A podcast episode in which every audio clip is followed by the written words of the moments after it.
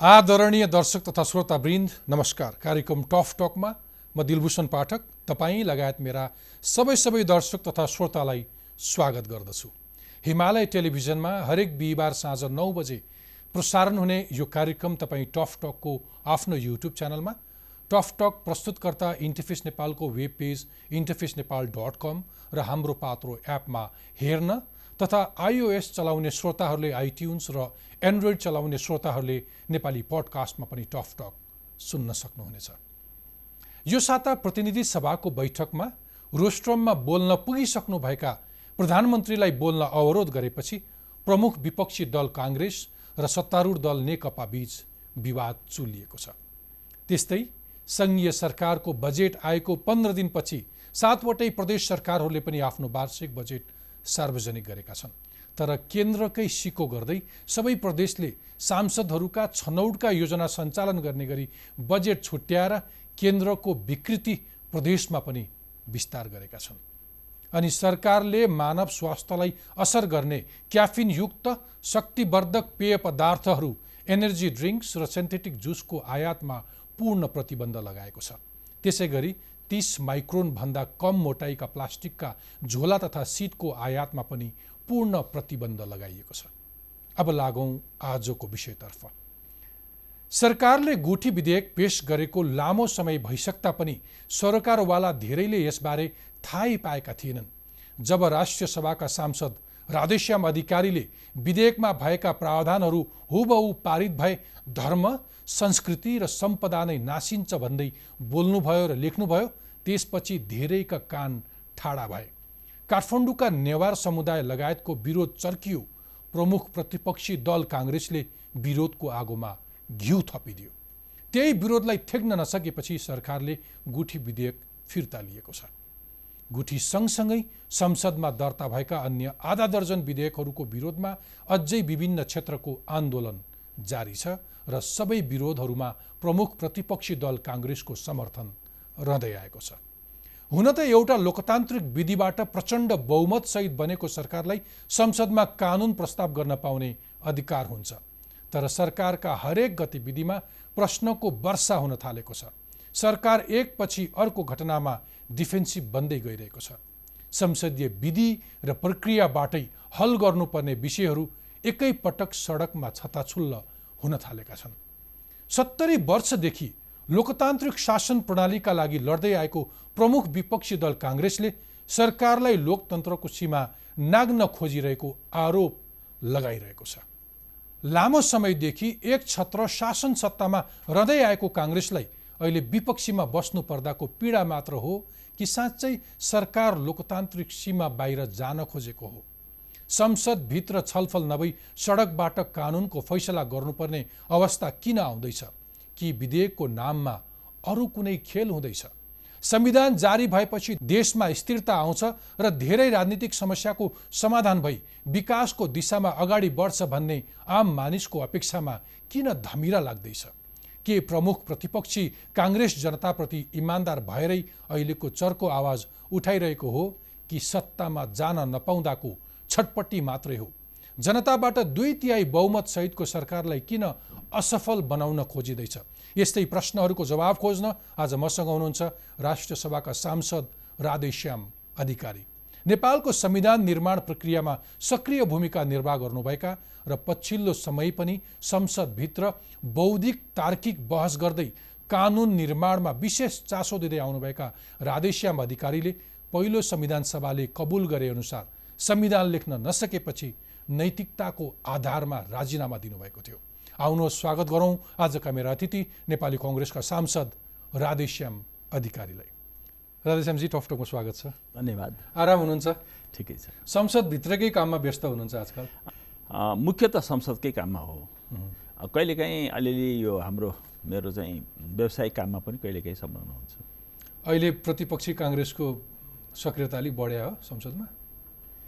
सक्रियता अलिअलि बढेको पनि हो। किन भन्नुहुन्छ भने केही जिम्मेवारी साथीहरूलाई प्राप्त पनि भएको छ। त्यस कारणले पनि अलिक बढे जस्तो देखिन सक्छ। ए कहिलेदेखि यो जिम्मेवारी पाइयो? जस्तो छाया सरकार भनेर बनिएको छ नि त। त्यसमा अब जस्तो विभिन्न जस जसको जिम्मेवारी छ ती ती ती ती व्यक्तिहरूले चाहिँ आफ्नो मौका अनुसारको त्यो ऊ देखाउने अवसरहरू पाइरहनु भएको छ जस्तो लाग्छ। ओके म तपाईँलाई पछिल्लो घटनाक्रमसँगै जोड्न चाहन्छु। विशेष गरी तपाईँले राष्ट्रिय सभामा आएर थन्किएको गुठी विधेयकलाई सडकमै ल्याएर छताछुल्ल बनाइदिनु भयो होइन? होइन मैले नै ल्याएँ भन्नु त मिल्दैन। यति कुरा चाहिँ के हो भन्नु छ भने गुपचुपसँग आएको विधेयक जुन थियो त्यसको सैद्धान्तिक छलफल हुँदा नै मैले यो कुरा भनेको थिएँ सदनमा। कि यो गुठीको जुन विधेयक आएको छ यो विधेयक संविधानको सीमा बाहिर गएको छ पहिलो कुरा।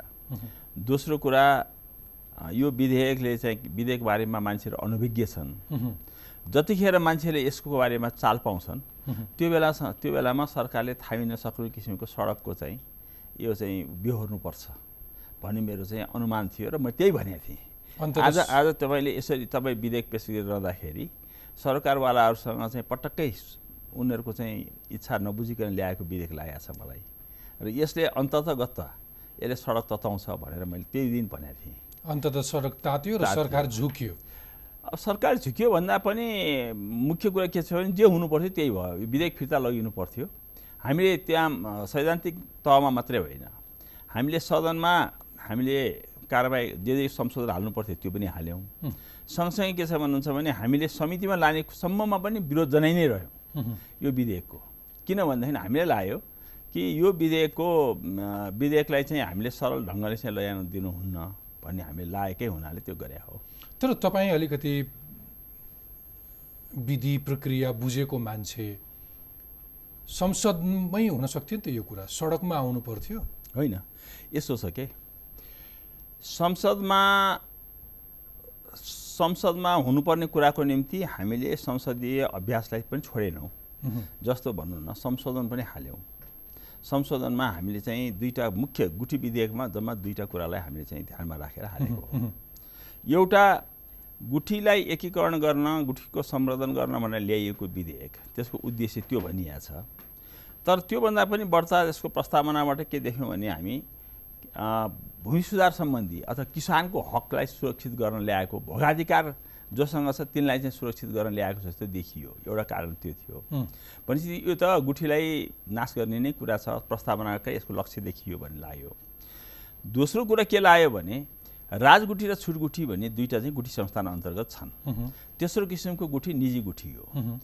अब यो दुईवटा गुठी चाहिँ त अहिलेसम्म राज्यले नै सञ्चालन गरिआएको छ। राजगुठी पनि छुटगुठी पनि। तर त्यसमा नै भत्ताभुङ्ग भएको धेरै देखिरहेका छौँ। निजी गुठीमा कुनै समस्या थिएन। थियो भने पनि त्यो आफ्ना भित्र नै गुठियारहरूको बिचबाट नै त्यसलाई चाहिँ के अरे मिलाएर उनीहरूले व्यवस्थित गर्दै आएका थिए। तर त्यसमा सरकारले हस्तक्षेप गर्न जुन खोज्यो हामीले त्यसमा चाहिँ ठुलो आपत्ति देख्यौँ हामीले। किनभने सरकारले जहाँ छोएको छ त्यहाँ बिगारेको छ। जहाँ सरकार नभइकन सदियौँदेखि चलिआएको चाहिँ जुन गुठी व्यवस्था छ तिनीहरूलाई चाहिँ के छ भने भत्ताभुङ्ग पार्नलाई अब सरकारले यहाँ पनि हात हाल्यो भन्ने हामीलाई लाग्यो। होइन मलाई त्यो विधेयकको बारेमा त्यो त्यसका बुदाहरूमा पनि केही छलफल गर्छु म क्रमैसँग। तर मलाई चाहिँ बढी अहिले चाहिँ यो संसदको अथवा संसदको मर्यादाको हुन्छ नि अथवा विपक्षीको व्यवहारको बारेमा अलिकति रिफ्लेक्ट गर्न मन नि, ठिक छ। जुन रूपमा त्यही विधेयकको बारेमा संसदभित्रै घनीभूत रूपमा छलफल गर्दा हुन्थ्यो होला तर त्यो सडकमा आउनु भनेको चाहिँ त्यो फेरि एउटा तपाईँ जस्तो कानुन बुझेको मान्छे संविधानको मर्म बुझेको मान्छेले एउटा प्रचण्ड बहुमतले जितेको एउटा सरकारले संसदमा उसले त फुल मेजोरिटी भएको सरकारले त आफ्नो अनुकूलको कानुन बनाउने हो नि तपाईँको अनुकूलको बनाउने त होइन। अथवा तपाईँ भनेको विपक्षीको अनुकूलको बनाउने त होइन। उसले त ल्याउँछ उसले आफ्नो अनुकूलमा अथवा आफूले सोचेर लिएर आउँछ। उसको आफ्ना पोलिसिजहरू होला होलान्। हरेक पार्टीको आफ्नो आफ्नो प्राथमिकता हुन्छ। तर त्यो कुरा संसदमा प्रधानमन्त्री बोल्न जानुहुन्छ रोस्ट्रममा अनि तपाईँहरू प्रधानमन्त्रीलाई बोल्न दिनुहुन्न सडकमा कुनै आन्दोलन चर्काउनुहुन्छ त्यो त्यो त्यो कति विधिसम्मत अथवा त्यो कति लोकतान्त्रिक छ? पहिलो कुरा म तपाईँलाई क्रमबद्ध रूपले भनौँ। पहिलो कुरा हामीले संसदमा संसदीय अभ्यास गर्दाखेरि गुठीकै विधेयक ल्याउँदाखेरि पनि राष्ट्रिय सभामा त्यस्तो कुनै काम यस्ता गरेका छैनौँ जसले चाहिँ के छैन हामीले विधि प्रक्रियालाई हामीले चाहिँ अवरुद्ध गरौँ। ओके। हामीले आफ्नो कुरा राख्दै गयौँ शान्तिपूर्वक हामी विरोध जनाउँदै गयौँ। हामीले गरे यही हो। तर त्यसको परिणाम के हो भन्नुहुन्छ भने जब यो कुरा चाल पाए सरकारवालाहरूले ती सडकमा आए। ती सडकमा आउँदाखेरिसम्म पनि हामीले कुनै किसिमको उहाँहरूलाई प्रोत्साहित गरेको होइन। अब सडकमा त आफ्नो आफ्नो स्वार्थमा धक्का लाग्ने भएपछि जो मान्छे सडकमा आए ती मान्छेहरूले शान्तिपूर्ण ढङ्गले माइतीघर मण्डलामा सभा गरेका थिए। त्यो सभामा तपाईँलाई थाहा छँदैछ अब त्यहाँ सरकारको त एउटा स्ट्यान्डर्ड एउटा चाहिँ गृहमन्त्रीले हामी कहाँ आएर चाहिँ भन्दाखेरि स्ट्यान्डर्ड एउटा उ दिनुभएको छ। जवाफ दिनुभएको छ। कि उनीहरूले चाहिँ के छ भने हुलुज्जत गरे अनि त्यसपछि प्रहरीले चाहिँ जबरजस्ती गर्नु पर्यो बल प्रयोग गर्नु पर्यो भन्ने उहाँको भनाइ छ। तर प्रश्न के छ भन्नुहुन्छ भने त्यहाँ वाटर क्यानन जुन पानीका फोराहरू छोडिया छन् त्यहाँ लाठीचार्ज भएको छ र त्यो चाहिँ के छ भन्नुहुन्छ भने त्यो कुनै निषेधित क्षेत्र थिएन। मानिसहरूले शान्तिपूर्ण ढङ्गले चाहिँ त्यहाँ आएका थिए। त्यसपछि के भयो भन्नुहुन्छ भने त्यसपछि अनि प्रतिनिधि सभामा यी कुराहरू उठ्यो। कुन एङ्गलबाट उठ्यो भने गुठी सम्बन्धी विधेयक भन्दा पनि मानव अधिकारको हननको विषय भएर चाहिँ उठ्यो। यसरी तपाईँले हामीले चाहिँ हेऱ्यौँ भनेदेखि यसरी दुईवटा कुरालाई अलग अलग गरेर हेर्नुपर्छ। मतलब शान्तिपूर्ण ढङ्गले जुलुस निकाल्ने जुन हक छ हामीहरूको नेपालको संविधान बमोजिम त्यो संविधानको हकलाई पालना गरेर जुन नागरिकहरू भेला भए त्यसमा चाहिँ महत्त्वपूर्ण व्यक्तिहरू हुन्छ। त्यसमा पनि म जाउँला। तपाईँलाई मैले भन्नु खोजेको के भन्नुहुन्छ भने त्यसपछि के भयो भन्नुहुन्छ भने त्यो अब बढ्दै गयो। जति जति तपाईँको के छ भने सरकार पनि तपाईँको एकदम कडाइसँग प्रस्तुत भयो गुठी विधेयकका सम्बन्धमा पनि। जति यतापट्टि कडाइका साथ चाहिँ उपस्थित हुँदै गयो सरकार उति नै के छ भनेदेखि यहाँ चाहिँ यो जनताहरूको अथवा सरकारवालाहरूको भिड पनि बढ्दै गयो। भिड सँगसँगै के भयो भन्नुहुन्छ भने अब नेपाली कङ्ग्रेसले त्यहाँ विरोध गरिरहेकै थियो। संसदीय पद्धतिबाट विरोध गरिरहेको थियो। अब ऊ पनि के भयो भनेदेखि सडकमा पनि मिसिन पुग्यो। किन भन्नुहुन्छ भने जनताहरूलाई यदि पार्टीले राजनीतिक रूपले चाहिँ संरक्षण दिइएन भने सरकारले ज्यादती गर्ने भयो भनेर चाहिँ गर्यो। यहाँ यहाँसम्म कुरा यस्तो हो। अब जहाँसम्म तपाईँको हिजोको प्रतिनिधि सभाको कुरा छ त्यसमा ठ्याक्कै यही हो भनेर किन पक्ष र विपक्षहरू छन् मैले बुझ्दाखेरि मैले हिजो जस्तो बुझेँ। त्यहाँ कार्य सम्पादनको एउटा चाहिँ ऊ हुन्छ त्यहाँ कार्य व्यवस्था हुन्छ संसदभित्र केही कुरा मिलेको थिएन। पहिले प्रतिपक्षले बोलेपछि प्रधानमन्त्रीले जवाब दिनुपर्छ भन्ने प्रतिपक्षको भनाइरह्यो यो कार्य व्यवस्थामा है। सरकारी पक्षको प्रधानमन्त्रीले चाहिँ प्रायोरिटी पाउनुपर्छ प्रधानमन्त्रीले चाहिँ पहिले बोल्नु पाउनुपर्छ भन्ने उहाँहरूको भनाइ। त्यो बिचमा त्यो कुरालाई नमिलाइकन गएको हुनाले गर्दाखेरि हिजोको दुर्घटना भयो भन्ने मलाई लाग्दछ। अब यसमा कसलाई यो चाहिँ साँचो कुरा हो। यति कुरा चाहिँ साँचो हो। योभन्दा बाहेकका कुराहरू चाहिँ के छन् तपाईँलाई थाहा छँदैछ होइन एउटा एउटा प्रतिपक्षी दलको सांसद भएपछि मजा त आउला संसदमा एक किसिमको हङ्गामा क्रिएट गरियो सडकमा टायर बालियो आगो बालियो सरकारलाई झुकाइयो त्यो मजा आउला। तर म म फेरि पनि तपाईँसँग अघिल्ला वार्ताहरू सम्झिरहेको छु। एकहत्तर र बहत्तर सालमा तपाईँसँग दुई पटक दुई फरक फरक समयमा अन्तर्वार्ता गरेका थिएँ र टफ टकमा तपाईँले भन्नुभएको थियो कि कुनै दिन संविधान एउटा नयाँ संविधान आइसकेपछि मुलुक राजनीति पनि अलि अनुशासित हुन्छ र मुलुकले विकासको एउटा गति लिन्छ भन्ने कुरा नि। तर यसो हेऱ्यो भने फेरि पुरानै संस्कारमा फर्के जस्तो नि पार्लियामेन्टमा जस्तो तपाईँले भन्नुभयो नि अघि अघि त्यही संसदको प्रक्रियाको कुरा गर्ने भने चित्त बुझेन भने तपाईँले संशोधन हाल्न पाउनुभयो। होइन? अथवा सहमति भए नभए तपाईँ संसदभित्र बहुमत र अल्पमतको प्रक्रियाबाटै अगाडि बढ्नुपर्छ। अरू त सुख छैन। गरेकै छौँ। होइन? त्यो सबै तपाईँले केही पनि बाँकी राख्नु भएको छैन। संसदमा पर्याप्त छलफल भएको छ। स यही कुरा चाहिँ तपाईँलाई भन्नुपर्ने छ। भन्नु जस्तो हामीहरूको चाहिँ निकै तितो अनुभव छ। जस्तो म तपाईँलाई उदाहरण दिएर भन्छु। यो मौलिक अधिकारको र तत्काल कानुन कानुनको कार्यान्वयन गर्नै पर्छ भनेर चाहिँ केही विधेयकहरू ल्याइए। जसमा जस्तो भन्नु एकचोटि एक सय चारवटा विधेयक एकसाथ ल्याइयो। एउटैमा एकीकरण एकीकृत रूपमा। एकचोटि सन्ताउन्नवटा ल्याइयो। हामीले पनि सरकारको सदाशयतामा विश्वास गरेर के भन्यौँ भनेदेखि ठिक छ अब यो कुरा चाहिँ हामी सबैले सहयोग गर्नुपर्छ भनेर पास गर्न तयार भयौँ। तर के देख्छौँ हामीहरू भने त्यसमा ल्याउनै नपर्ने विषयवस्तुहरू हालेर ल्याएर छ ओके। जस्तो नेपाल ट्रस्ट ऐन। नेपाल ट्रस्ट ऐनको त्यो कुनै कुरासँग सम्बन्धित थिएन। जुन उद्देश्यले त्यो विधेयकलाई हामीले सन्ताउन्नवटा विधेयक एकैचोटिमा तपाईँको केसमा लिएर आएर पास गर्न खोज्दाखेरि अब नेपाल ट्रस्ट ऐन पनि हालेर ल्याएर छ। नेपाल ट्रस्ट ऐनमा चाहिँ के रहेछ भन्नुहुन्छ भने जुन बेला नेपाल ट्रस्ट ऐन बन्यो त्यस बेला त्यसको उद्देश्य स्वास्थ्य र शिक्षाभन्दा बाहेक नेपाल ट्रस्टको सम्पत्ति अरूमा लगाउन सकि सकिँदैन भन्ने प्रष्ट व्यवस्था छ। मैले छोटकरीमा भनेको तपाईँलाई। त्यो कुरालाई चाहिँ अहिले यसबाट चाहिँ के गरियो भने चाहिँ व्यावसायिक प्रयोजनको निम्ति नेपाल ट्रस्टको सम्पत्ति उपयोग गर्ने सदुपयोग गर्ने भनेर ल्याएर छ मैले त्यही दिन भने यो नीतिगत भ्रष्टाचारको तपाईँले श्रृङ्खला खोल्नुभयो।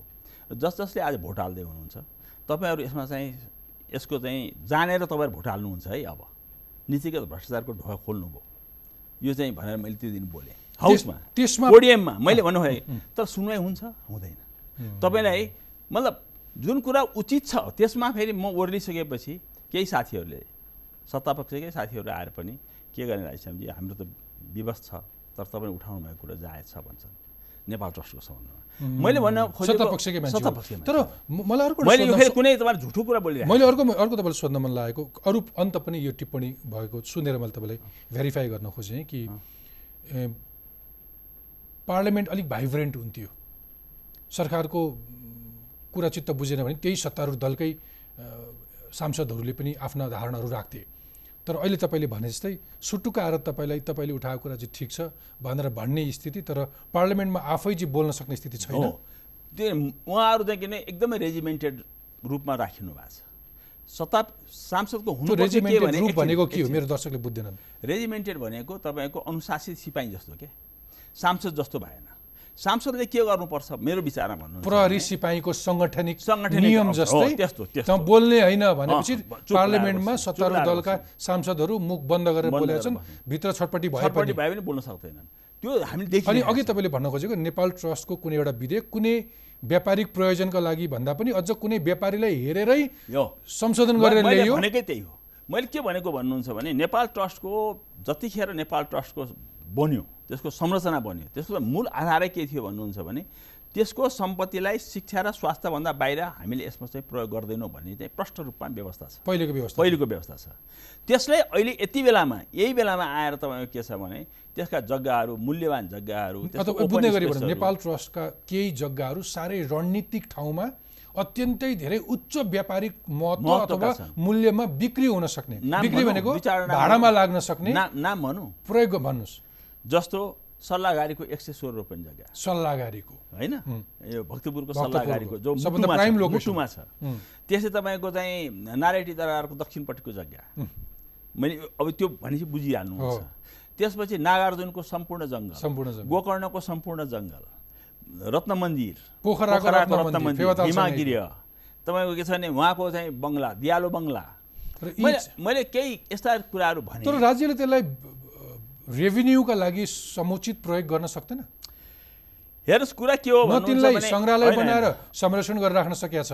होइन। एउटा कुनै व्यापारिक घरानाले लियो भने त त्यसलाई राम्रो होटेल बनाएर रेभिन्यू ल्याउँछ कि? सोच त सरकारको त्यही नै हो। यो सोचलाई हामीले बढावा दिने कि नदिने भन्ने कुरा हो। र अर्को चाहिँ अर्को चाहिँ त्यही भित्र नियत के छ भने आफ्ना नजिकका व्यापारीका लागि संशोधन गर्न खोजिया छ भन्ने ठुलो आरोप हो बढी चाहिँ। त्यसको चिन्ता गराइ होइन। त्यो नजिक हुनेले पाउलान् खाउलान् त्यो यसमा भन्दा पनि तपाईँको प्रक्रिया र पद्धतिले कसैले पाउला कि नपाउला त्यो छुट्टै पाटो भयो। त्यो फेरि भ्रष्टाचारको अनियमितताको अर्को पाटो भयो।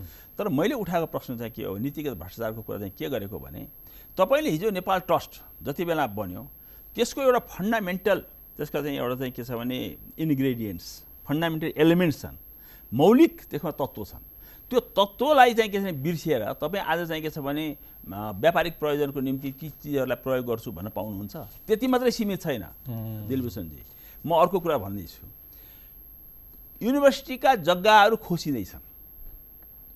कति गम्भीर कुरा छ भन्नुहोस् त। एउटा शैक्षिक संस्थाले पाएका जग्गाहरू खोज्छु र सदुपयोग गर्छु भन्ने सरकारको दृष्टिकोण छ। यसै पनि हाम्रा पाउनु न। कति नै त्यही- जग्गा छ त्यसै भएर भन्छु। स्कुलका जग्गाहरू खोज्छु भन्ने छ।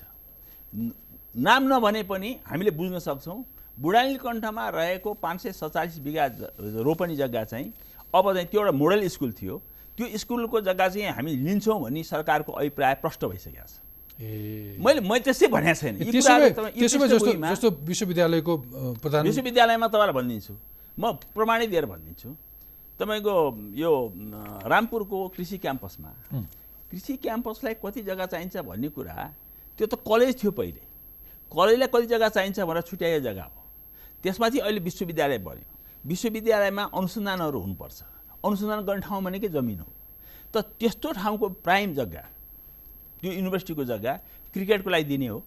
क्रिकेट चाहिन्छ। क्रिकेटको मैदानको लागि क्रिकेट छुट्टै किनेर छुट्टै लिन सक्दैन जग्गा सरकारले बनाउन सक्दैन। तर क्याम्पसको जग्गा युनिभर्सिटीको जग्गामा तपाईँको यस्तो किसिमको हस्तक्षेप जुन किसिमको भइरहेको छ यो त हुँदैन।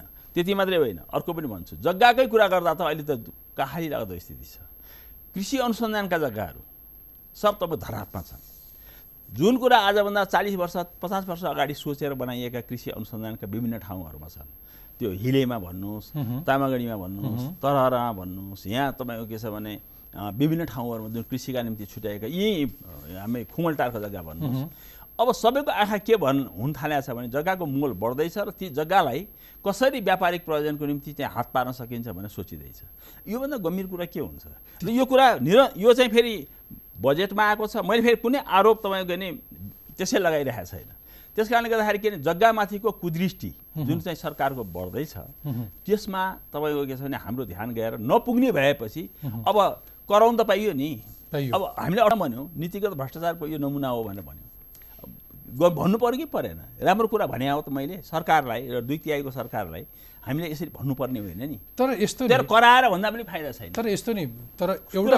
अर्को के पारिदिनु भयो भने पहिलो कुरा त नयाँ संविधान हामीसँग यति धेरै ऐन कानुनहरू कानुनहरू बनाउनु पर्नेछ प्रदेशको तहमा पनि सङ्घमा पनि केन्द्रमा पनि। अनि यी आउँदै गरेका विधेयकमा केही राम्रा पक्षहरू पनि छन् नि जस्तो गुठीकै विधेयकमा गयौँ भने पनि त्यसको समर्थनमा तल मधेसमा थारूवड क्षेत्रमा धेरै थारू समुदायका मान्छेहरूले समर्थनमा सडकमा ओर्ले। कुनै कृषकको जीवन मरणको पनि सवाल होला त्यहाँ जोडिन्छ होला। अनि त्यो त्यो कुनै पनि विधेयकमा एक रति पनि राम्रो अंश छैन भने जस्तो गरेर पुरै खर्लप्पै खानै खोजे जस्तो यो सबै नाच्नै खोजे जस्तो गर्नु गरेर कोलाहल मचाएको जस्तो लाग्दैन कहिले काहीँ यसो कुरा के छ भन्नु नि किसानहरूको जहाँ जे समस्या छ त्यो सम्बोधन हुनु पर्दैन। कसले भनेको छ। हामीले भनेको छौँ? छैन। किसानहरू भनेको को? त्यो विधेयक हेर्नुभयो भने मैले आफैले संशोधन हालेको छु। पहिले किसानको परिभाषा गर्नुहोस्। किसान भनेको त्यो व्यक्ति हो जसले आफ्नो श्रमले हामी भूमि सम्बन्धी ऐनमा छ नि त। किसान भनेको को भन्दाखेरि जसले जसको परिवारले आफ्नो श्रमले खेती गर्दछ। र त्यो खेती गरेर चाहिँ उब्जाएको आम्दानीमा त्यो आश्रित छ। बिल्कुल। त्यो किसान हो। तर यहाँ के भइरहेछ भने त्यस्ता किसानहरूको सङ्ख्या थोरै छ. त्यस्ता किसानहरूको सङ्ख्या जे जति छन् त्योभन्दा बढी काठमाडौँमा बस्ने किसानहरू होलान्। त्योभन्दा पनि अर्को कुरा छ। भोगाधिकार जबरजस्ती जग्गामा कब्जा गरेर भोगाधिकार गरेर जो बसिरहेछन् गुठीका जग्गामा त्यो गुठीको जग्गा चाहिँ सबै तिनका नाममा चाहिँ दर्ता गरिदिने। नाम मात्र कौडीको मूल्यमा। भनेर जुन चाहिँ डिजाइन बनाइएको छ त्यसमा हाम्रो आपत्ति। नै तर मैले किसानको समस्यालाई सुन्नु न किसान ल भन्नुहोस्। किसानको समस्या टेन पर्सेन्ट होला त्यो होल विधेयकको. नब्बे पर्सेन्ट चाहिँ तपाईँको अरू कुराहरू छन् भने सोच्नु परेन। होइन मैले चाहिँ मैले त्यस कुनै एउटा विधेयक आउँदै गर्दा त्यसमा सकारात्मक जस्तो मानौ। होइन, सकारात्मक कुरामा हामी मानौ सँगै मानौ छौँ। गुठीभित्रको विकृतिको कुरा गर्दाखेरि धेरै गुठीहरू पारदर्शी छँदै छैनन्। ठिक छ। हिसाब किताब कसरी राखेको छ त्यो ठेलीमा त्यो त्यो त्यो वैज्ञानिक हिसाब किताब छँदै छैन। कति सम्पत्तिहरू हिनामिना भएका छन् त्यसको पनि लेखाजोखा छैन। ठिक छ। एक प्रकारको सरकारी निगरानीमा राख्दाखेरि के बिग्रिन्थ्यो अनि आज सरकारी निगरानीमा छैन? तिनको उचित हेरचाह हुन सकेका छ? पुगेन होला। मैले भने एकछिन। गुठी संस्थान नाम गरेको एउटा संस्था छ। त्यो सरकारकै निगरानीमा बस्छ। त्यसको अध्यक्ष महाप्रबन्धक सरकारले नियुक्ति गर्छ। त्यो सबै राष्ट्र सेवकहरू हुन्। ती तिनलाई चाहिँ ठिक ढङ्गले किन नचलाएको हो? तिनलाई ठिक ढङ्गले चलाउन नसकेको सरकारले नाम प्राधिकरण राख्ने बित्तिकै त्यो सबै काम फेरिन्छ। राम्रा मान्छे ल्याउने त कहीँ देखिया छैन। हाम्रा मान्छे ल्याउने हो।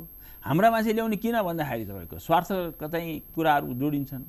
त्यस कारणले गर्दा तपाईँ के छ भन्नु छ भने तपाईँले गर्नु छ भने गुठी संस्थानमैबाट चाहिँ सुधार गरेर सुरु गरे भने गुठी संस्थानले आज गर्न सकेको काम यदि राम्रो गर्न सक्छ राज्यले राम्रोसँग देखायो भने त त्यही निजी गुठी पनि हामी राज्यलाई सुम्पिन तयार हुन्छ भन्ला नि त। तपाईँले यति भन्दाखेरि चाहिँ तपाईँसँग ग्राउन्ड छ होइन? तपाईँले गुठीसँग सम्बन्धित पुरानो ऐन नियम बुझ्नु भएको छ गुठीको सम्पूर्ण विवरण छ। र त्यसलाई रिफर्म गर्न त्यही सुधार गर्न सकिन्थ्यो। अहिले ल्याएको विधेयक चाहिँ सरासर गलत नियतका साथ ल्याइएको छ भन्ने तपाईँको हाम्रो। कानुनको नियम के हो भन्नुहुन्छ भने यदि कुनै ऐन कुनै ऐनमा तपाईँको चेन्ज गर्नु पऱ्यो भने पहिलो सुरुवात कहाँबाट गर्नुपर्छ भने त्यसमा नै संशोधन गरेर गर्नुपर्छ भन्छ। ओके। किनभने त्यो फङ्सनल छ नि त। आज कति वर्षदेखि फङ्सनल भइरहेछ नि त्यो विधेयक त। त्यो ऐन त। अनि त्यो केही गरेर त्यो एकदमै ठुलो चेन्ज ल्याउनु पऱ्यो ठुलो परिवर्तन गर्नु पऱ्यो भने मात्रै छुट्टै ऐन ल्याउने हो। नभए त्यसलाई संशोधन। संशोधन ओके। त्यसो भए तर त्यो गरिएन नि। ओके। त्यसो भए त्यसो भए त्यसो भए मिडिया नियमन गर्ने मिडिया काउन्सिल विधेयक चाहिँ नयाँ ल्याउन जायज थियो? त्यसो पनि तपाईँको आपत्ति छ त्यसमा तपाईँको पोजिसन के? तपाईँ कानुनको ज्ञाता भएको होइन मैले एकदम ठिक छ। सुन्नुहोस्। हामीले नै यो जब चाहिँ सत्तालिस सालको ऐन आएको थियो सत्तालिस सालको ऐनमा प्रेसको स्वतन्त्रता मात्रै भनेको थियो हामीहरूले। तपाईँलाई सम्झना होला हाम्रो। संविधानले त्यो थियो। बिल्कुल। र त्यसको व्याख्या कहिले भयो भन्नुहुन्छ भने जब राजा ज्ञानेन्द्रले प्रत्यक्ष शासन गर्नुभयो नि त्यो गर्नुभएको बेलामा उहाँले यो टेलिभिजनहरूमा रेडियोहरूमा सबैतिर हस्तक्षेप गर्नुभयो सञ्चार माध्यममा। त्यो सञ्चार माध्यममा हस्तक्षेप गरेको बेलामा सर्वोच्च अदालतमा एउटा मुद्दा उम्, र फ्रेसको त्यो बेलामा व्याख्या भयो। भन्दाखेरि यी सबै कुराहरू विद्युतीय सञ्चार माध्यम र पुरानो छापाखाना यी सबै चाहिँ के हुनु भन्दाखेरि प्रेसकै उसभित्र पर्छन् भनेर। भनियो। त्यो। फैसला भयो। त्यसपछि त्यो सरकार वास्तवमा ढल्नुमा एउटा मेजर कारण त्यो पनि थियो। एउटा एउटा एउटा कारण त्यो थियो। अनि त्यसपछि त्यसको लगत्तै जब हामीहरू चाहिँ उसमा आयौँ। परिवर्तन भयो। बैसठी त्रिसठीको। त्यो बेलामा एउटा media council high level media council बन्यो। त्यसमा पत्रकारहरू नाम चलेको सबै पत्रकारहरू हुनुहुन्थ्यो। र त्यस संयोगले मै चेयर गरिरहेको थिएँ। र त्यसले हामीले चाहिँ सुझाव दिएका छौँ। हामीले त्यसमा चाहिँ के छ भने अब यो प्रेस काउन्सिल भन्दाखेरि एक किसिमको कन्नोटेसन दिइरहेको छ एक किसिमको त्यसको चाहिँ माने दिइराखेको छ। त्यसको सट्टामा मिडिया काउन्सिल नाम राख्नु चाहिँ उचित हो भनेर त्यो पनि भनेको थियो। त्यसमा के आपत्ति भएन। नाम प्रेस काउन्सिललाई मिडिया काउन्सिल गरेर त्यसका चाहिँ अलिकति त्यसलाई चाहिँ के छ भने चेन्जहरू ल्याउन सकिन्थ्यो। तर यति बेलामा जुन बेलामा चाहिँ मिडिया काउन्सिल ऐन बन्यो मिडिया काउन्सिल अथवा प्रेस काउन्सिलको काम के हो भन्नेसम्म पनि नबुझिकन ल्याइयो क्या ऐन चाहिँ। होइन नि त्यस्तो हो र स्पष्ट। छ नि। होइन। डिजिटल मिडियाहरूको इमर्जिङ भयो डिजिटल मिडियालाई एड्रेस गर्ने भनेर कुरा आयो। विकृति दलाली गर्ने बाहेक पत्रकारै छैन जस्तो लाग्छ। माफ गर्नु होला माहु पनि त्यही विधाको मान्छे हो। पार्टीका चाप्लुसी चाकडी गर्ने मान्छे सबै पत्रकार। पार्टीका कार्यकर्ता पनि पत्रकारितामा होइन? सङ्गठनै हाँक्ने संस्थाहरूकै नेतृत्व गर्ने तिनै पार्टीका आसेपासेहरू। अनि दलाल गर्ने पनि व्यापारीलाई बार्गेन गर्ने मान्छे पनि अनि त्यस्ता मान्छेलाई ठेगान लाउनु पर्दैन ऐन कानुन बनाएर। हेर्नुहोस्। ठेगान सबै ठाउँमा लाउने हो तर के छ भन्नुहुन्छ भने तपाईँले चाहिँ ब्यालेन्स सिट हेर्नुपर्छ। स्वतन्त्रताको हनन हुँदाखेरि यदि त्यो चाहिँ नेपाली जनताको पक्षमा जान्छ भनेदेखि अथवा त्यो स्वतन्त्रतालाई कायम राख्दाखेरि चाहिँ के छ भनेदेखि चाहिँ त्यो यद्यपि छ होइन ब्ल्याक स्पटहरू छन् कालो धब्बा हामीले तपाईँलाई विश्वास गर्ने कारण त्यही हो नि स्वतन्त्रताको हनन। चाहिँ यहाँनिर हुन्छ यहाँनिर संशोधन गरौँ भनेर प्रस्ताव हाल्न पाउनुभयो होइन? तर त्यो विधेयकलाई समग्रमा विरोध गर्दाखेरि त फेरि यो ठगी खान पल्केको। पत्रकारलाई त संरक्षण भयो नि। त्यसरी म हेर्दिनँ हेर्नुहोस्। म म कसरी हेर्छु भन्नुहुन्छ भने पत्रकारहरूमा तपाईँको पत्रकारहरू अझ नहुने हो मिडियाहरू आज नहुने हो भने यति बेलामा है पत्रकार र मिडियाहरू नहुने हो भनेदेखि यो लोकतन्त्र त तपाईँको सिधा सिधै तपाईँको के छ भने डाइभ गर्छ। सरकार तानासाही हुन्छ। जनताको बोली बन्द हुन्छ। बन्द हुन्छ। उसले हाम्रो माध्यम भनेकै। माध्यम भनेकै तपाईँहरू हो। जस्तो मैले आज भन्नलाई तपाईँले अवसर दिनुभयो मैले सबै कुरा भने नेपाल ट्रस्टको कुरा भने यो मेडिका काउन्सिलको कुरा छु गुठी संस्थानको कुरा गरिरहेको छु गुठी ऐनका कुरा ल्याइरहेको छु। यो भन्ने तपाईँले अवसर दिनु पऱ्यो न यो संविधानको तपाईँ जस्तो मान्छे पनि हुनुहुन्छ नि। सुन्नु न तपाईँ जस्तो मान्छे पनि पत्रकारै हुनुहुन्छ। त्यस कारणले गर्दाखेरि यी कुराहरू बाहिर आइरहेका र यदि यो कुरालाई तपाईँ बन्द गरिदिनुहोस्।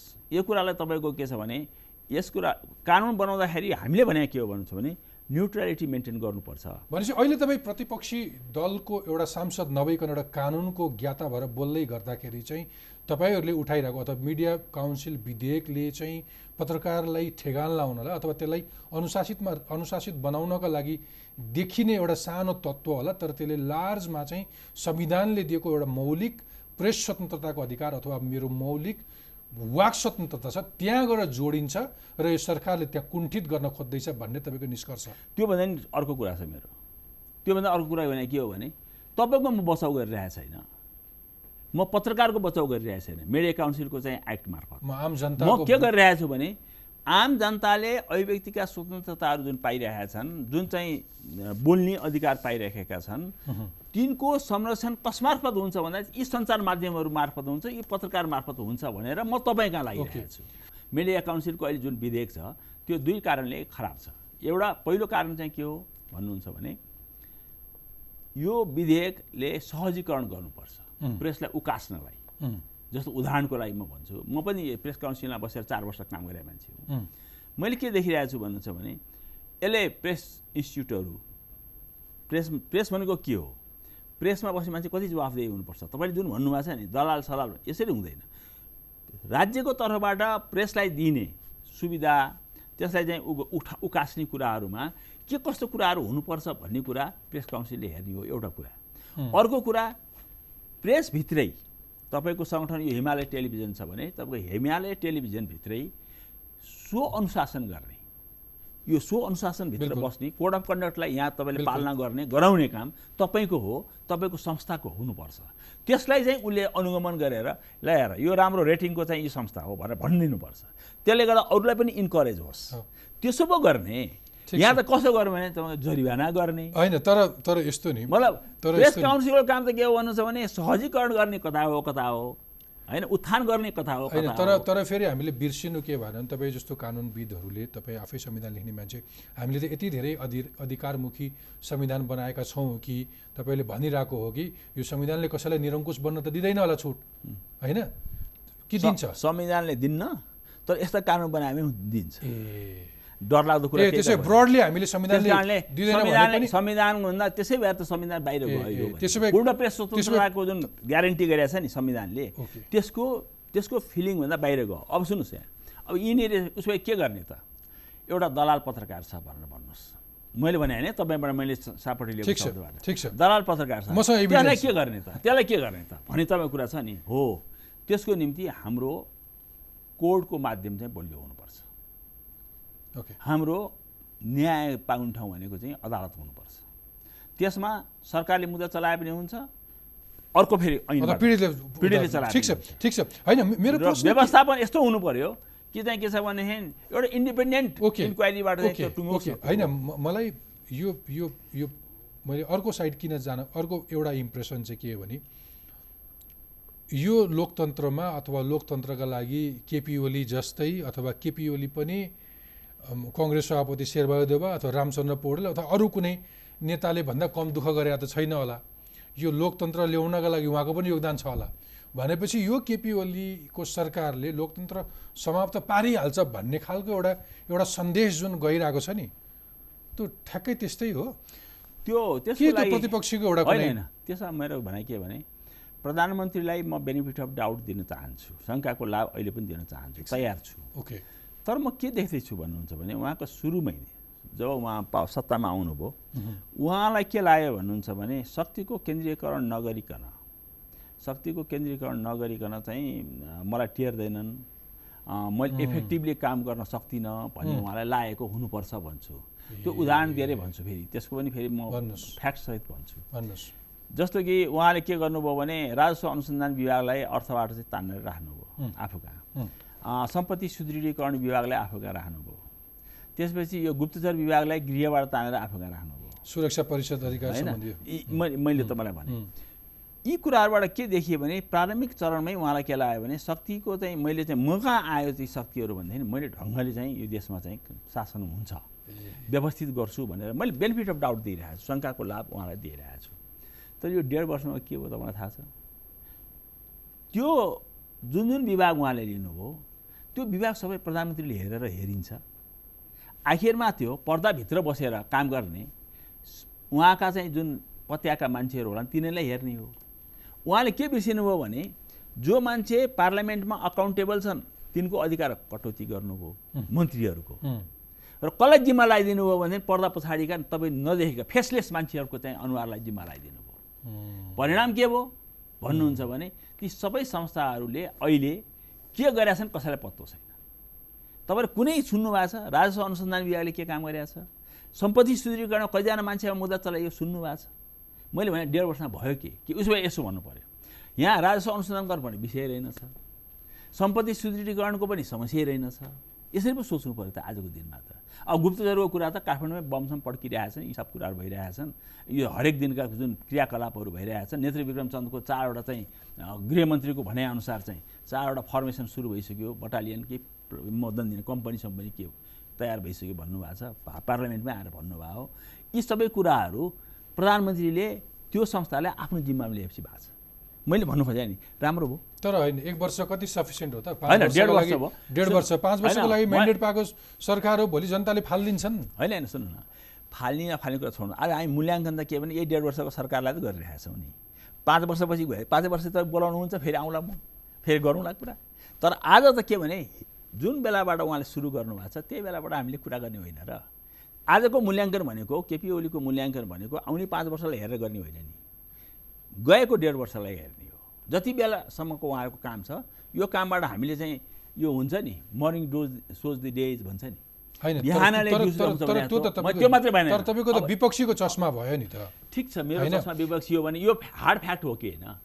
यो वस्तुगत तथ्य हो कि? देश विकास पनि। खोज्ने अनि कति कानुनहरू संशोधन नगरेर अलिकति रेडिकल नभइकन त मेजोरिटीको सरकारले कहाँ पपुलिस्ट डिसिसन मात्रै गर्छ कति कुरा कति? अनपपुलर पनि गर्ला उसको कुरा? उसको म्यान्डेट नै त्यही त हो नि मेजोरिटीको सरकारलाई प्रतिपक्षले जुन संविधान कार्यान्वयनको सिलसिलामा गरेको कुरामा त हामीले अपराध गरेका छौँ कसरी गर्नु प्रतिपक्षले अपराध गरेका छ म भनिदिन्छु भन्नुहोस् जुन कुरा प्रतिनिधि सभाबाट पास भयो हामीले राष्ट्रिय सभामा नपढिकन पास गऱ्यौँ।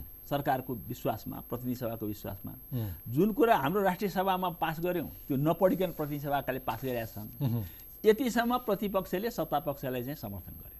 हेर्नुहोस्। है यहाँसम्म। ओके। अब अहिले यतातिर आएर के भयो भन्नुहुन्छ भने जब मानव अधिकार आयोगको विधेयक आयो जब तपाईँको मेले काउन्सिलको विधेयक आयो जब तपाईँको यो गुठीको विधेयक आयो जब नेपाल ट्रस्टको विधेयक आयो जब राष्ट्रिय सुरक्षा सम्बन्धी विधेयक आयो यी सबै विधेयकले हामीलाई के देखाउन थाल्यो भनेदेखि यो सरकारले विधिवत रूपमा लोकतान्त्रिक मार्गबाट आएको भए नि बाटो बिराउँदैछ यसले अधिकारको कन्सन्ट्रेसन गर्दैछ र विश्वास केमा गरिरहेछ भने दण्ड र जरिवानामा गर्दैछ ओके अब मैले मैले चाहिँ के भनिरहेको छु भने हामीले संविधान जारी गर्ने बेलादेखि एउटा स्थिर सरकारको वकालत गऱ्यौँ।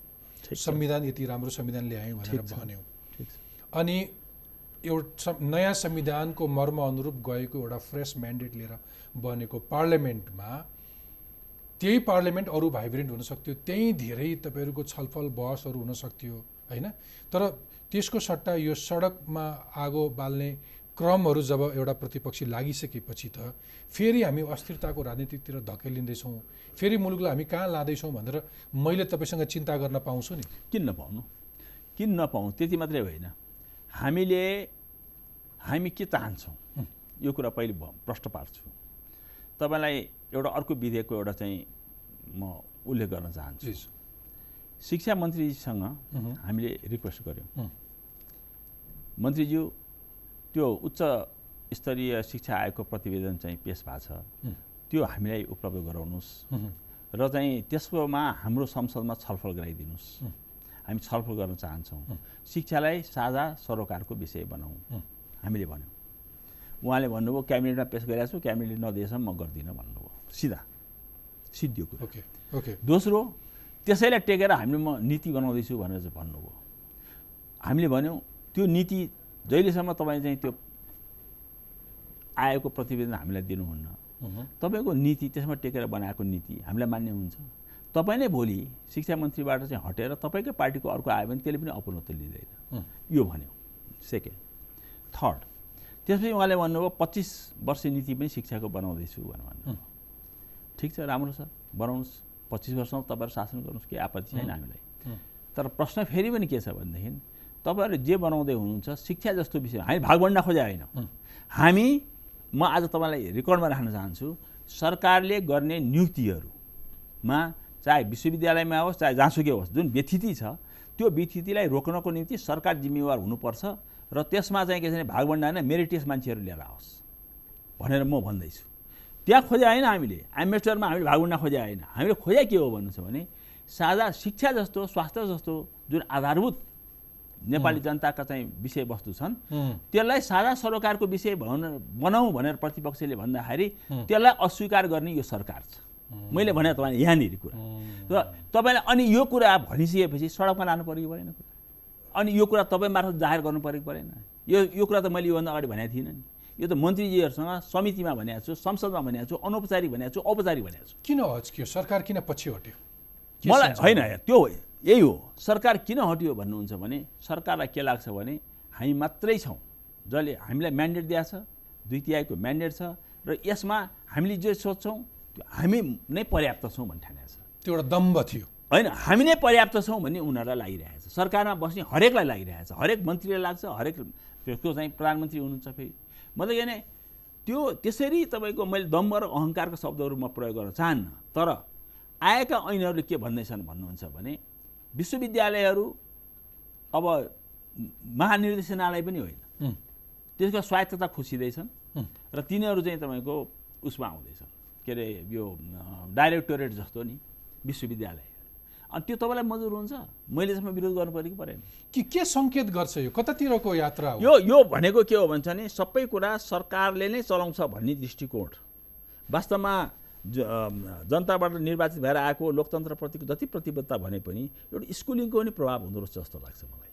त्यो स्कुलिङको प्रभाव भनेको के हो भन्नुहुन्छ भने जुन कम्युनिस्ट आइडियोलोजीबाट चाहिँ उहाँहरू चाहिँ आउनुभयो नि बटअप गरेर आउनुभयो नि जसरी सोचेर सोच विचार गरेर आउनुभयो नि त्यसले के भने केन्द्रीकृत शासन व्यवस्थालाई नै तपाईँको चाहिँ उहाँहरूलाई चाहिँ के छ भने मन पर्दो रहेछ भन्ने लाग्छ एकातिर मुलुक चाहिँ संहितामा गइसक्यो। राज्यको पुनर्संरचना गरेर संविधानले के भनिरहेको छ भने तिन तहको अधिकार। यति भनौँ न ल भन्नुहोस्। रेकर्डमा गजब गजबको कुराहरू छन् आज तपाईँसँग कुरा गर्दा रमाइलो. भइरहेछ। प्रधानमन्त्रीले मैले भने मैले नै यो कुरा उठाएँ त्यहाँ हाउसमा यो नीति र कार्यक्रमको बेलामा कि हामी संसद भनेको यहाँ सार्वभौम भन्ने जुन दृष्टिकोण छ त्यो होइन। त्यो होइन। हामीभन्दा माथि संविधान छ। संविधानले दिएको अधिकारको प्रयोग यो संसदले गर्छ। सरकारले गर्नुपर्छ। त्यसै गरेर चाहिँ के छ भनेदेखि हामीले राज्यको पुनर्संरचना गरेका छौँ। सर सबैको अधिकारहरू बाँडफाँड भएका छन्। प्रदेशको अधिकार बाँडफाँड भएको छ गाउँको मतलब स्थानीय तहको चाहिँ अधिकार बाँडफाँड भएको छ सङ्घको अधिकार बाँडफाँड भएको छ। त्यो अधिकारको चाहिँ हामीले ठिक ढङ्गले चाहिँ परिचालन गर्नुपर्छ भनेर मैले भनेको थिएँ। संयोगले प्रधानमन्त्रीले सुन्नुभएको थियो त्यो दिन। ओके। सधैँ त आउनुहुन्न नि उहाँ। त्यो त्यो दिन सुन्नुभएको थियो। उहाँले जवाब त्यसलाई चाहिँ कसरी दिनुभयो भन्दाखेरि त्यो उहाँले त्यहाँ मात्रै भन्नु भएन धादिङमा पनि भन्नुभयो यहाँ एउटा नेपाल सरकार छ अरू सबै त्यसका इकाइ हुन्। यो इकाइभन्दा बढी होइन। यसो भन्न पाइन्छ सङ्घीयतामा सङ्घीयता भनेको के हो? यसको फन्डामेन्टल के हो भने तपाईँले संविधान बमोजिम पाएका अधिकारहरूको स्वशासन गर्ने अधिकार चाहिँ ती सङ्घीय युनिटहरूलाई रहन्छ। होरिजेन्टल्ली पावर डिस्ट्रिब्युसन भएको छ भर्टिकल्ली पनि पावर डिस्ट्रिब्युसन भएको छ। तपाईँलाई साझा अधिकार अन्तर्गत छ भने तपाईँको अधिकार लागू हुन्छ। मतलब सङ्घले पनि कानुन बनायो प्रदेशले पनि बनायो भने सङ्घको कानुन प्रिभेल गर्छ हामी बुझ्छौँ यो कुरा। त्यो भर्टिकल कनेक्सन्सहरू छ। ओके तर मैले अहिले के भनिरहेको छु भन्नुहुन्छ भने उहाँले इकाइ मान्नुहुन्छ। स्थानीय तह र चाहिँ प्रदेशलाई। अनि यो अनि यो भने मक्करी के हुन्छ? संविधानको मक्करी त प्रधानमन्त्रीबाटै सुरु भएको छ हेर्नुहोस्। हामीले के गर्ने? अब यो कुरा भन्दाखेरि प्रधानमन्त्रीको चित्त दुख्छ भने पनि दुखोस् तर मैले त भन्न छोड्नु भएन। किन देखिरहेको कुरा छ? संविधान बनाउँदाखेरि हामीले यही उद्देश्यले बनाएको भनेर त भन्नु पर्यो नि त परेन। एक्ज्याक्टली अब अब बिट मार्नुपर्छ। अक्सर यति सबै भइसकेपछि नि म टकटक जहिले पनि एउटा पोजिटिभ नोटमा एन्ड गर्न खोज्छु। रिफ्लेक्ट गऱ्यो भने ब्याकग्राउन्ड हेऱ्यो भने यति लामो कालखण्डमा जहिले पनि मुलुक अस्थिरतामा मात्रै रह्यो। सबलाई प्रधानमन्त्री बन्ने दौड मात्रै मुलुक कहिले पनि बनेन। नयाँ संविधान बनायो नयाँ संविधानपछि यो अस्थिरता सकिन्छ विकासले गति लिन्छ भने त्यो पनि भएन। अहिले एउटा मेजोरिटीको सरकारले गरिरहँदाखेरि तपाईँलाई चित्त बुझिरहेको छैन अथवा सरकारको एक सुर छ बुझाइ छैन। विधेयकहरू यसरी सडकमा आगो बालिन्छ र विधेयक सरकारले फित फिर्ता लिन्छ तर यही संविधान अनुरूप हामीले कति कति दर्जन ऐन कानुन बनाउनु पर्नेछ त्यो त्यो यात्रामा अझै निस्किन बाँकी नै छ होइन? भनेपछि निकास के? के केही कन्क्लुड गर्नुहुन्छ केही निष्कर्ष निकाल्नु गर्नुहुन्छ? सबभन्दा पहिले हाम्रो पनि के चाहना छ भने यो सरकार पाँच वर्ष मात्रै चलिदियो भने पनि ओलीजीले प्रधानमन्त्री भएर पाँच वर्ष मात्रै चलाउनु उहाँहरूको फेरि बिचको पार्टीको भित्रको मैले आन्तरिक झगडाभित्र गइनँ। मैले नेपाल कम्युनिस्ट पार्टीको यो सरकार पाँच वर्षको लागि चुनिएको छ। यो पाँच वर्ष चल्यो भने त्यो हाम्रो ठुलो एचिभमेन्ट हो मेरो दृष्टिकोण ओके त्यो। चाहनुहुन्छ नि म मन मनै चाहन्छु। म एउटा नेपाली नागरिक भएर चाहिँ यो सोध्छु यो सरकार पाँच वर्ष चलोस्। ओके पहिलो कुरा। दोस्रो कुरा म के चाहन्छु भन्नुहुन्छ भने उहाँले हिजो राम्रो कुरा बोल्नु भएको छ। के चाहिँ के छ भने लोकतन्त्र खतरामा छ भनेर। त्यो आफूलाई परेपछि सडक तातेपछि मात्रै भनेर हुन्न नि। लोकतन्त्र खतरामा नपार्नको लागि त लोकतान्त्रिक शक्तिसँग हिजो जसरी चाहिँ बिलौना गरिरहनु भएको छ त्यो बिलौना गर्नै पर्दैन। मतलब त्यो तागतहरूलाई सँगसँगै लिएर हिँड्नु पर्यो। मैले भागभन्डा खोजे है फेरि भन्छु। नीतिगत कुराहरूमा सहमति खोज्ने प्रयास खोइ भएको। तेस्रो कुरा। जस्तो संवैधानिक परिषद किन बनाइयो? भनेदेखि त्यसमा एउटा राष्ट्रिय सोच होस् सोच विकास होस् भनेर। जब त्यो संवैधानिक परिषदले चाहिँ नियुक्ति गर्दाखेरि अपोजिसनको लिडरले म चाहिँ केही मतलब आज मलाई फुर्सद छैन दुई दिनपछि सार्नुहोस् भन्दा पनि नसारिकन निर्वाचन आयोग जस्तोमा प्रमुख आयोग चाहिँ आयुक्त नियुक्ति हुन्छ भनेपछि त्यो त एउटा चाहिँ क्याबिनेटले गरे भइहाल्यो नि। संवैधानिक परिषद किन चाहियो? त्यस कारणले गर्दाखेरि उहाँहरू यसमा सचिनुपर्छ। अहिले पनि सचिने ठाउँ छ। मलाई लाग्दैन ओलीजीको र चाहिँ शेरबहादुरजीको धेरै टाढाको सम्बन्ध छ भन्ने लाग्दैन। केही पनि भएको छैन। यदि उहाँले चाहनुभयो पहिले इनिसिएट त कसले गर्नु पर्यो? जोसँग चाहिँ शक्ति छ। प्रचण्ड बहुमत ल्याएको एउटा सरकारले तपाईँसँग सोधी सोधी गर्नुपर्छ सोध्नु पर्दैन। होइन सोध्नु पर्दैन। तर नीतिगत कुरामा तपाईँको के छ भने साझा बनाउन सकियो भनेदेखि त्यो बेस हुन्छ। नीतिगतकै कुरामा तपाईँको चाहिँ के छ भने आपत्तिजनक कुराहरू हुन थाल्यो भनेदेखि अनि बिग्रिन्छ जस्तो कि गुठी विधेयकमा नीतिगत डिफ्रेन्स हो। मैले भन्नु खोजेँ नीतिगत डिफ्रेन्स हो। नभए गुठीको निजी गुठीमा निजी गुठी हुनुपर्छ सरकारले जिम्मा लिने कि नलिने भन्ने कुरामा चाहिँ हाम्रो पनि के स्टेक छ त? हाम्रोमा त स्टेक तर यसले के गर्दैछ भन्ने कुराको अनुमान त छ। हुन्छ। त्यस कारणले म के भन्छु भने सरकार पाँच वर्ष चलोस् हाम्रो चाहना छ। यो सरकारले चाहिँ के छैन हामी बिचमा डिस्लज गर्न चाहँदैनौँ। यो उपलब्धि होइन। हामीले चाहेको पाँच वर्षै चलेर देखाओस्। सकेन भने जनताले नै मूल्याङ्कन गर्लान् फेरि हामीले सरकारमा ल्याउलान्। पाँच वर्ष होइन दस वर्ष पनि कुर्न तयार छौँ राम्रो काम गरेर देखाओस्। त्यसमा तर भन्ने केही छ? तर सरकार यस किसिमका ल्याएर एकदम अधिनायकवादी भयो भन्ने तपाईँको गुनासो होइन शक्तिको केन्द्रीयकरण चाहिँ अधिनायकवादी चरित्रको एउटा चाहिँ हिस्सा चाहिँ हो। त्यो बाटो चाहिँ अहिले। भइरहेको छ भइरहेको छ। त्यो बाटोमा जान्छ गइरहेको छ। त्यो चाहिँ फेरि पनि मैले आरोप होइन यो चाहिँ सिरियस मैले चाहिँ के कन्सर्न जाहेर गरेँ हो। यो सरोकार राखेको हो चिन्ता र चासोको विषय बनाएकै हो। यो सरकार अधिनायकवादतिर गइरहेको छ। होइन केन्द्र शक्तिको केन्द्रीयकरण भनेको अधिनायकवादको हिस्सा हो। शक्तिको केन्द्रीयकरणमा यो सरकार एकदमै अगाडि छ यसमा कुनै शङ्का छैन। हुन्छ राधेश्यामजी तपाईँको महत्त्वपूर्ण समय र विचारका लागि धन्यवाद। धन्यवाद।